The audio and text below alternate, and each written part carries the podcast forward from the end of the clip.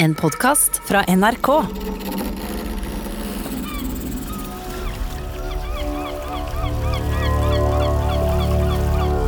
Det var en sommer på 970-tallet, mens Håkon Ladejarl var ubestridt hersker over Norge, at jarlen var ute med skipene sine. Og sønnen hans, Eirik, hadde fått lov til å være med han òg, sjøl om han bare var en unge på elleve år. Og han Eirik han insisterte på at skipet hans skulle ligge inntil faren sitt om kveldene. Og som regel så fikk han det. Og ja, på den tida der så hendte det titt og ofte at man hadde sitt eget vikingskip, sjøl om man bare var elleve år. Men så var det en kveld de var på Møre, og da kom Håkon Jarls bestevenn med skipet sitt. Og han bestevennen til jarlen han ropte Eirik og dem. Ta så Flytt dere! Jeg skal ligge inntil jarlen, nemlig. Da ropte han Eirik kjapt tilbake. Ta så Flytt deg sjøl, Kis! Men dere hørte jarlen fra skipet sitt, så han ropte strengt til sønnen sin. Nå flytter jeg, gutt. Hvis ikke så får du juling. Og da måtte han jo bare gjøre det, elleve år gamle Eirik. Så han satt i båten sin et stykke unna og skar tenner og irriterte seg, mens faren og bestekompisen hans satt langt utover kvelden og snakka om nytt ifra inn- og utland. Men våren etter, da rusta gutten ut et skip med stort følge og seilte ned til Møre. Da han kom dit, slo han i hjel bestekompisen til faren sin. Og etter at han hadde gjort det, så sto han der foran den døde kompisen og tørka blodet av sverdet med kappa si. Og så sa han Eirik til dem på skipet sitt. Nå tror jeg vi drar til Danmark en tur, gutta. Hvis ikke vanker det nok mer enn juling fra fattern.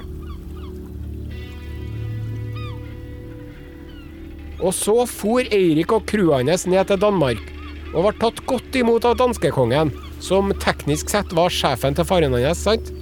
Kan si at Eirik var et år på utveksling i Danmark, nesten.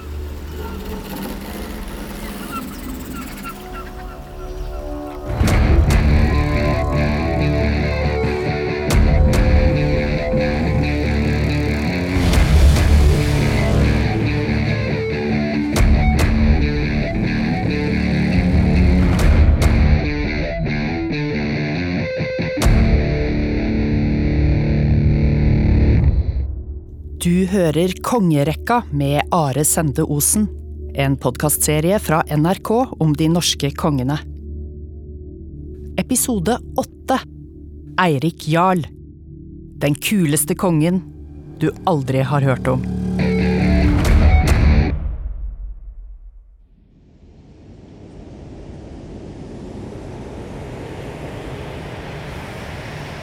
Neste gangen vi hører om en Eirik Jarl, har det gått elleve år. Og igjen står han på et blodstenka skipsdekk. Og igjen står han seierrik og tørker blod fra sverdet sitt. Men denne gangen er ikke en liten trefning mellom to skip. Denne gangen har det stått om Norges skjebne, framtid og uavhengighet. Denne gangen har Eirik Jarl grusa den danske invasjonen av Norge. Vi snakker om Slaget ved Hjørungavåg. Og slaget ved Hjørungavåg på Sunnmøre er altså det største og viktigste slaget i norsk historie ever. Hvis det ikke hadde vært for det slaget der, hadde vi snakka dansk i dag, hele gjengen. Og bakgrunnen for slaget Hele det forbaska slaget skyldtes at danskekongen var misfornøyd med Ladejarlen, som var blitt altfor egenrådig og uavhengig. Det er den samme gamle visa.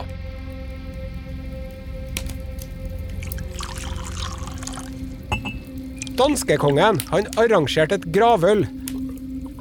Det var faktisk et gravøl, men det arta seg mer som et slags kickoff. Og på det kickoffet så drakk danskekongen sjøl helt vanlig øl, eller kanskje til og med en slags lettøl, mens gjestene, en mektig og krigersk røverbande fra Østersjøen en plass, som de kalte Jomsvikingene, de fikk servert det aller sterkeste ølet kongen hadde. Danskekongen skjenka jomsvikingene, rett og slett. Og da jomsvikingene var blitt gode og full og fin i farta, da reiste danskekongen seg og sa skål. Og så lovte han at før det har gått tre år, da skal jeg dra til England og drepe den engelske kongen. Og da kongen hadde sagt det, så kunne jo ikke jomsvikingene være noe dårligere. Så lederen for dem, han rapa og reiste seg, litt ustødig, og sa at enn jeg, da?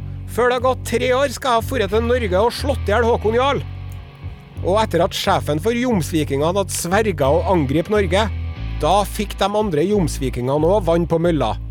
En høvding og stormann som het Bue Digre, han reiste seg, løfta drikkehornet sitt så det skvatt øl overalt, og ropte ut Jeg blir med til Norge, og jeg kommer aldri til å overgi meg.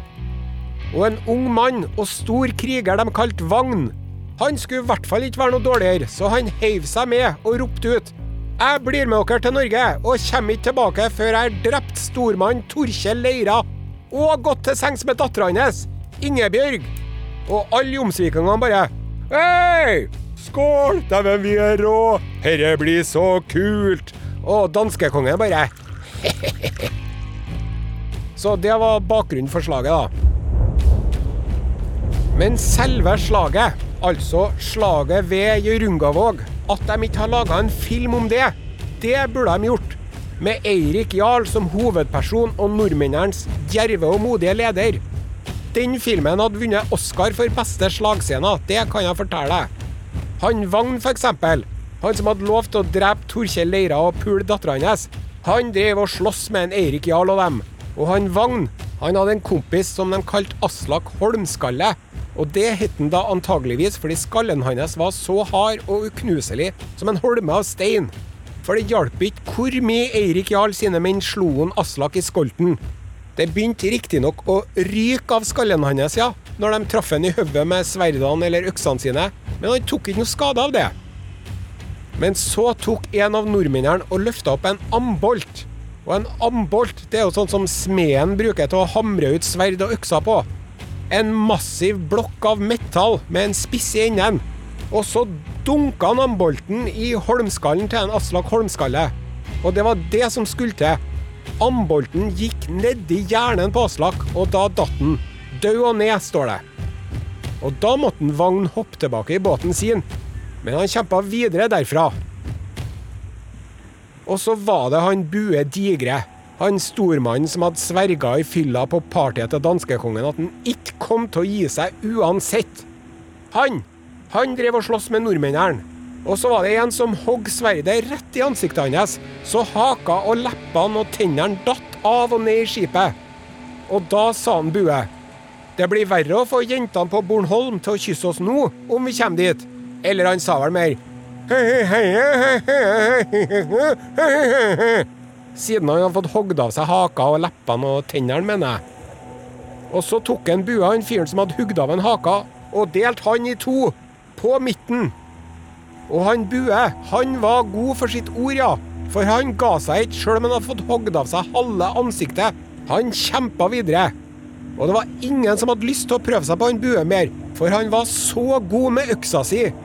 Men til slutt så var det en fyr som fikk hugd av Bue begge hendene.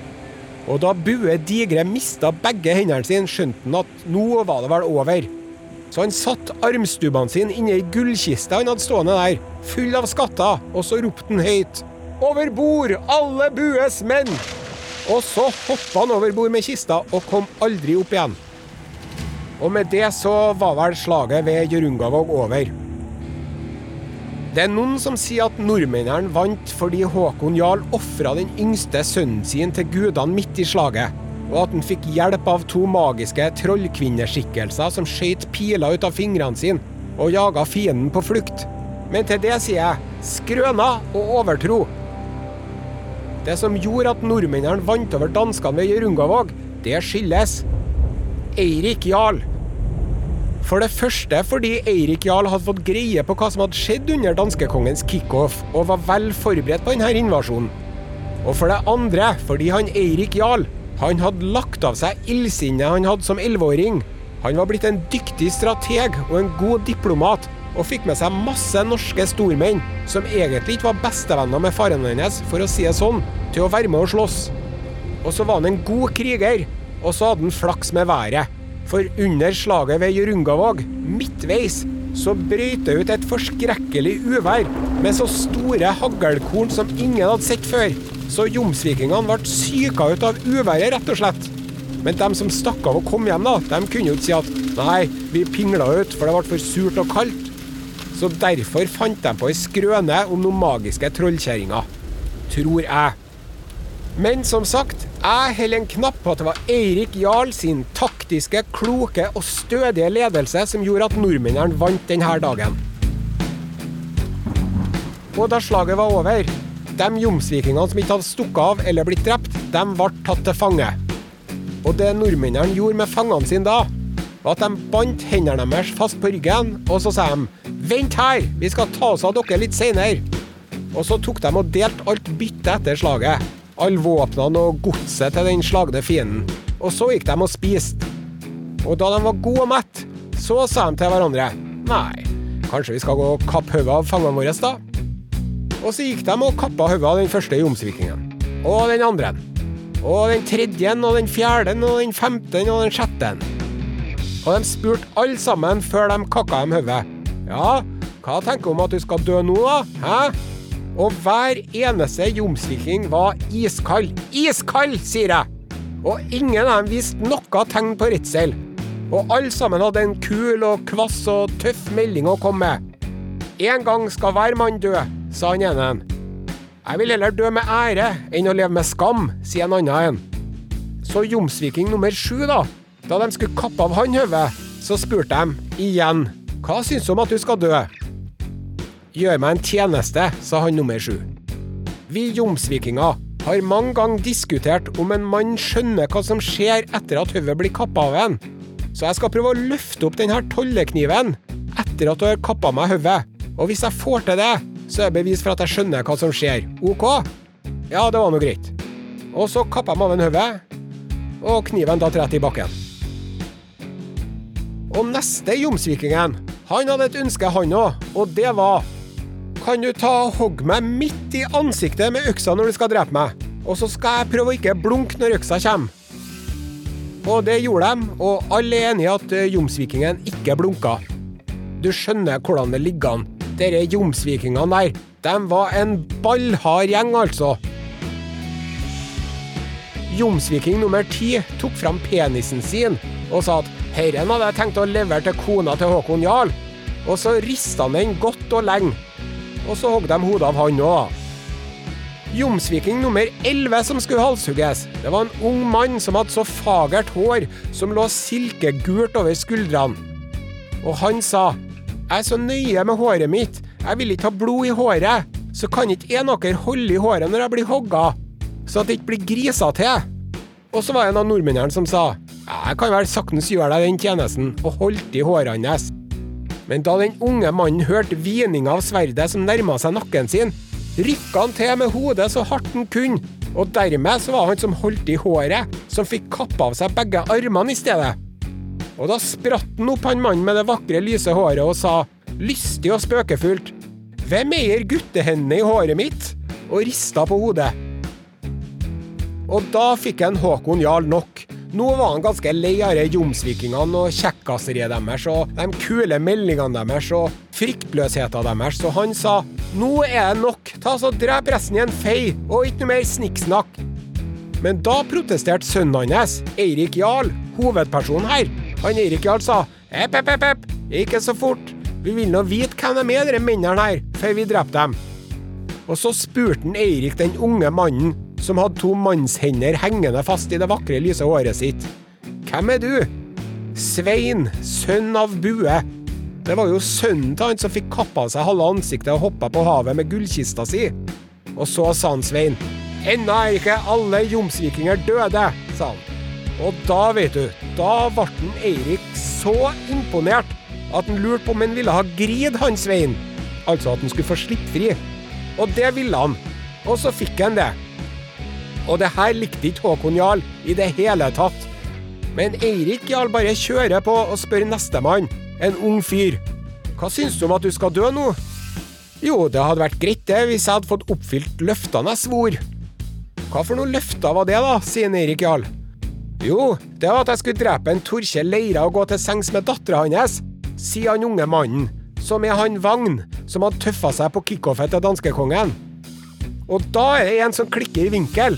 Han som har stått der og drevet og kappa hodet av alle de jomsvikingfangene. For det er jo han Torkjell Leira, det. Og her står det en fyr som sier at han skal ligge med dattera hans, og drepe han. Så han Torkjell, han sier De løftene skal du ikke få oppfylt. Og så springer han mot en Vagn med heva øks. Men da tar en annen jomsviking kråkfot på han Torkjell, så han Torkjell snubler og mister øksa. Og den snapper vognen opp og dreper en dønn. Og så sier en nå har jeg oppfylt det ene løftet mitt, nå føler jeg meg bedre. Og pappaen til Eirik Jarl, han Håkon Jarl, han er jo så lei av alt det styret her nå. Han syns dette går over stokk og stein. Hvor vanskelig skal det være å drepe disse fanga jomsvikingene, liksom? Så han sier må drepe han nå, da. Han har gjort oss nok skade. Og det må jeg jo på en måte si meg enig med jarlen i, da. Men Eirik Jarl er ikke enig i det hele tatt, så han sier Vagn, vil du ha grid? Og en Vagn sier ja, det ja, for så vidt, hvis vi kan få alle sammen. Og da fikk de det. Så da var de tolv stykker som fikk grid. Men Håkon Jarl likte ikke at sønnen hadde gitt Vagn og dem grid, da, så han for til Trondheimen og var veldig misfornøyd med sønnen sin.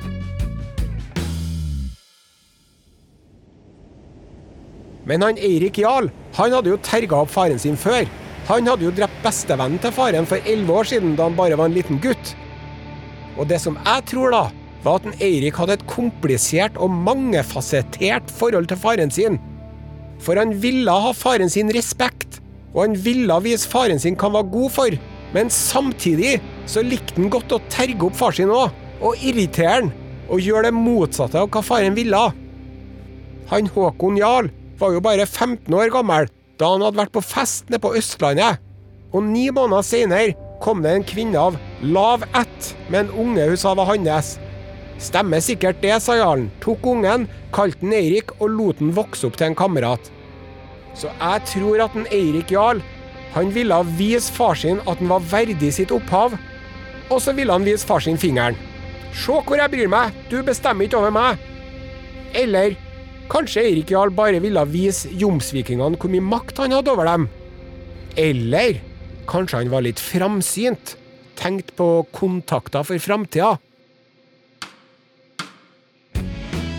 I hvert fall, han Eirik Jarl han tok med seg de gjenlevende jomsvikingene tilbake til riket sitt, det området av Norge som han kontrollerte, som var på det de kalte Opplandene, ja, på Østlandet, kan du si.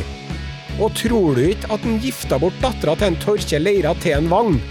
Så han fikk oppfylt begge løftene sine, han Vagn. Og Eirik ga han Vagn et godt langskip, og sendte dem til Danmark, og de skilte som gode venner.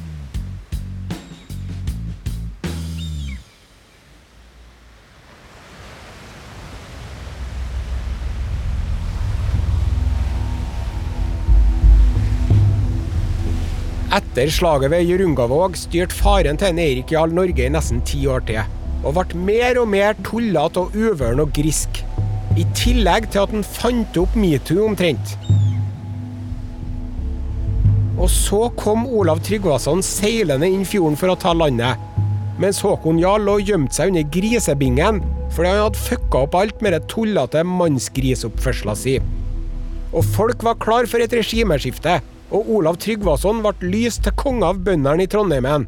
Og da skjønte Eirik Jarl at nå var det bare å komme seg unna. Så han flykta til Sverige. Men han satt ikke der og kula egget. Å nei da, nå for Eirik Jarl i Viking i Østersjøen.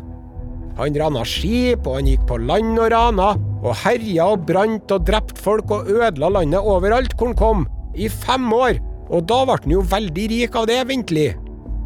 Og fra Norge kom det en stadig strøm med folk som flykta fra Olav Tryggvason. For Olav Tryggvason var vel egentlig like ille som en Håkon Jarl, minus de sexovergrepene, da. Så Eirik Jarl bygde seg opp både penger og skip og mannskap og følgere. Og så for han en tur til Danmark og fridde til dattera til danskekongen, Svein Tveskjegg, og fikk hun, og gifta seg med hun, prinsesse Gyda. Og det er litt artig for han svigerfaren til en Eirik Jarl, da danskekongen Svein Tveskjegg. Det er jo den samme kongen som sto bak invasjonen av Norge ti år før, da Eirik Jarl jaga jomsvikingene på sjøen. Så det var egentlig litt rart at han fikk Gyda. Men så er det også sånn at hver gang en konge i Norge blir for uavhengig og mektig, da blir danskekongen kompis med fiendene hans. Det er et tema som går igjen, kan man si, i norsk historie. Igjen og igjen og igjen. Så nå var plutselig Eirik Jarl og danskekongen perlevenner. Og rett etter det tok en Olav Tryggvason og gifta seg med den andre dattera til danskekongen. Uten hans tillatelse, ja. Og da ble jo Eirik Jarl og Olav Tryggvason De ble jo svogere, dem. Svogere og dødsfiender. For han Eirik Jarl, han ville hjem til Norge. Og han ville hevne faren sin.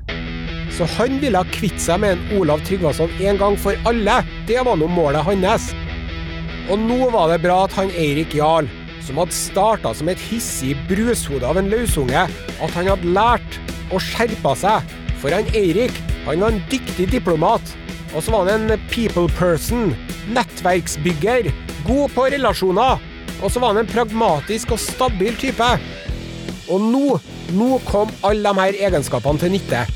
For Eirik Jarl han var på godfot med danskekongen, og så var han på godfot med svenskekongen, og så var han jo på godfot med jomsvikingene òg, sant? For han hadde jo redda livet til en haug med dem 15 år før. Så nå fikk han alle de folkene her, svenskene og danskene og jomsvikingene, til å bli med og lure Olav Tryggvason i et bakhold til sjøs i slaget ved Svolder, som er det nest viktigste og største slaget i norsk historie, sjøl om ingen helt vet hvor Svolder var hen.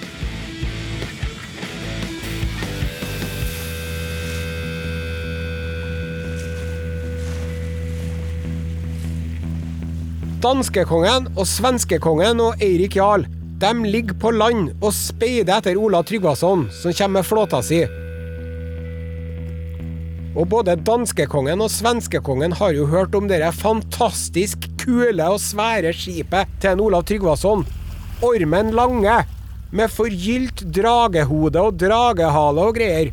Og han hadde jo så bra flåte, han Olav Tryggvason, og så mye svære skip, at de ble jo så imponert, vet du, både svensken og dansken. Og først så kommer det et skip som er så stort og fint at dansken sier 'Derre må nå være Ormen Lange'.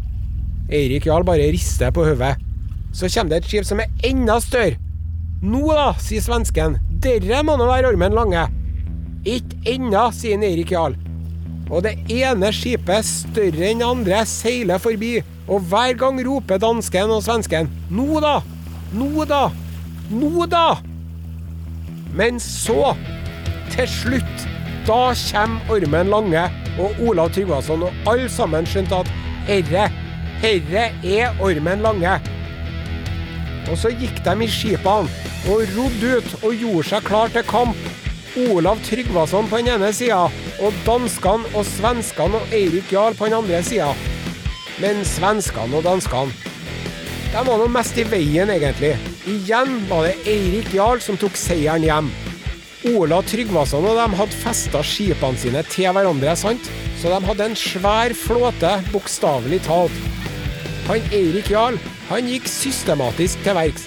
Han angrep det ytterste skipet først, rydda det, som de sier, dvs. Si drept alle om bord og heiv dem på havet. Og så kappa de løs den båten, og gikk over til den nesten. Og sånn holdt de på, til bare Ormen Lange var igjen. Og da Olav Tryggvason skjønte at slaget var tapt, hoppa han på sjøen og sank som en stein. Eirik Jarl hadde vunnet.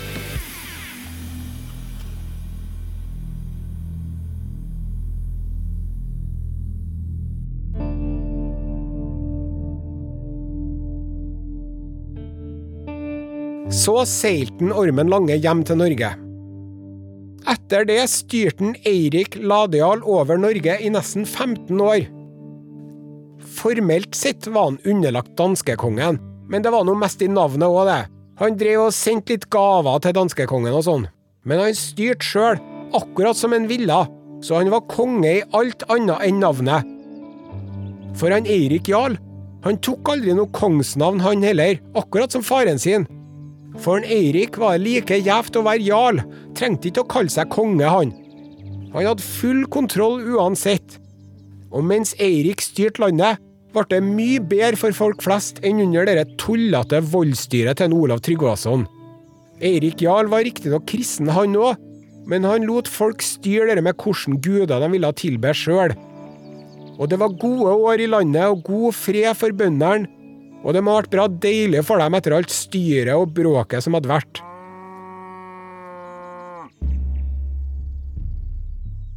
Og Eirik Jarl forbøy holmgang, og bra var det, For dere med holmgang, det var rett og slett noe forbaska tull. Holmgang, det gikk ut på at når som helst så kunne det komme en fyr ridende inn på gården din og si til deg Du, du er nidding, du, og nå skal jeg gården din. Og da måtte du enten si ja vel, eller så måtte du bli med på holmgang. Og da var skikken sånn at du og han som hadde kalt deg nidding, ble rodd ut på en holme eller ei øde øy. Og så, etter et par dager, kom de og henta den som var igjen i live. Og seierherren fikk da alle eiendommene til den han hadde slått i hjel, utpå den holmen. Og herre var jo vel og bra for gale, krigerske voldsmenn og banditter, men for alle andre må det jo bare ha vært utrolig slitsomt. Så han Eirik Jarl han innførte altså en lov som sa at nå er det slutt på det Holmgang-tullet. En annen ting han Eirik ikke gidda noe mer av mens han styrte landet, det var berserker. Og berserker, det var da rasende, ville krigere, bråkmakere som ikke forholdt seg til lover og regler. Voldsomme, grusomme menn som kunne finne på å ri inn på tunet til folk og kalle dem nidding bare for å ordne kvalm. Psykopater, rett og slett, som drev og drakk blod og drepte alle de kom over. Dere berserkene, de var helt gale. Men sikkert eh, kjekk å ha med seg et slag, da. Men det var jo helt klart et stort framskritt for hele landet da Eirik forbøy berserker og landsforviste dem. I anstendighetens navn så må det nevnes at han faktisk styrte sammen med broren sin, lillebroren Svein. Men han gjør så lite ut av seg, og står helt i skyggen av Eirik, så han gidder ikke å snakke noe mer om. Sorry, Svein.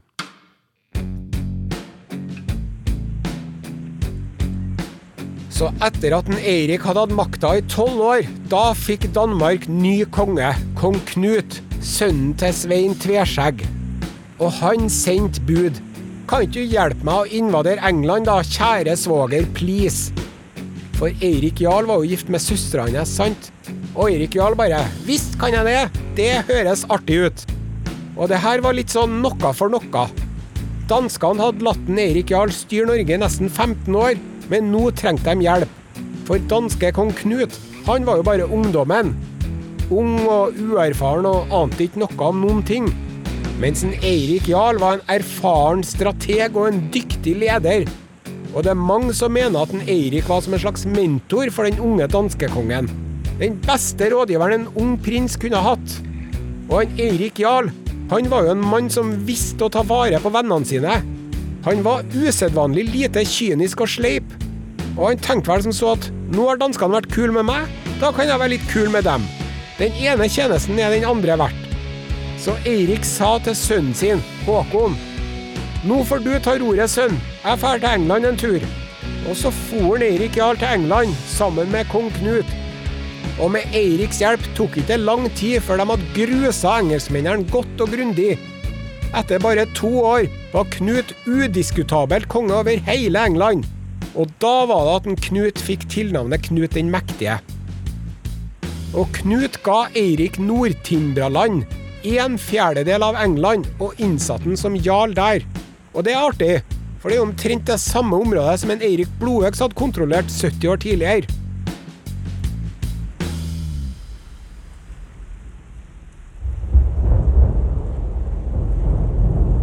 Etter at eh, kampene i England var over, så vet ikke vi så mye mer om Eirik Jarl. Men det man går ut fra, er at Eirik var jarl i Nordtimbraland resten av livet sitt. Og så døde han. Hvordan døde han, da? Skal jeg fortelle deg hva de sier at han døde av? Ryktet vil ha det til at en Eirik Jarl, han blødde i hjel. Av hva? En øks? Et sverd? Et spyd? Nei, han blødde i hjel etter at han fikk fjerna drøvelen. Og altså, hva denne drøvelfjerninga skal være godt for, og hvorfor han ble med på det, og hvem som fikk overtalt han til at det var en god idé, det er det ingen som vet. Det var vel noen som mente at det skulle være godt for helsa, det da, kanskje at han hadde et snorkeproblem. Folk driver jo og får fjerna drøvelen for det den dag i dag, men nå bruker man jo laser og alt mulig rart. Samme det! Var litt sånn stusselig exit, egentlig. Ikke mye schwung over den utgangen der. Ikke så veldig dramatisk eller actionfylt. Eller for Eirik Jarl sjøl var det sikkert ganske dramatisk, da. Når døde han? Ja, man er ikke helt sikker.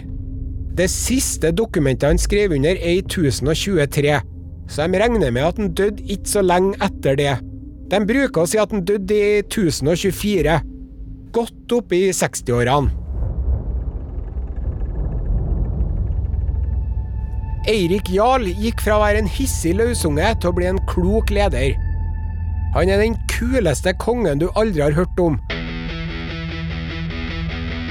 Han kunne godt ha fått litt mer oppmerksomhet. Merkevaren Eirik Jarl må bygges på nytt. Det er ikke nødvendigvis bragdene og dådene dine som gir deg et ettermæle. Det kommer helt an på hvem som forteller historier, og hvem som var foran og hvem som kommer etter. Det er mye tilfeldigheter som styrer sånn. Hovedfienden, hårfagre ætta, har hatt et mye bedre reklamebyrå, bl.a. i Snorre, som skrev kongesagaen. Han skulle hatt seg en blogg, han Erik, så at han kunne fortalt sin historie. Nå, 1000 år etter, er det ingen som vet hvem han er. Men spør du meg, så er han vi burde hatt en statue av på torget i Trondheim. Da Eirik Jarl dro til England, lot han sønnen sin være hjemme alene for å passe på Norge. Men han hadde ikke vært borte lenge før Norges råeste merkevarebygger kommer seilende.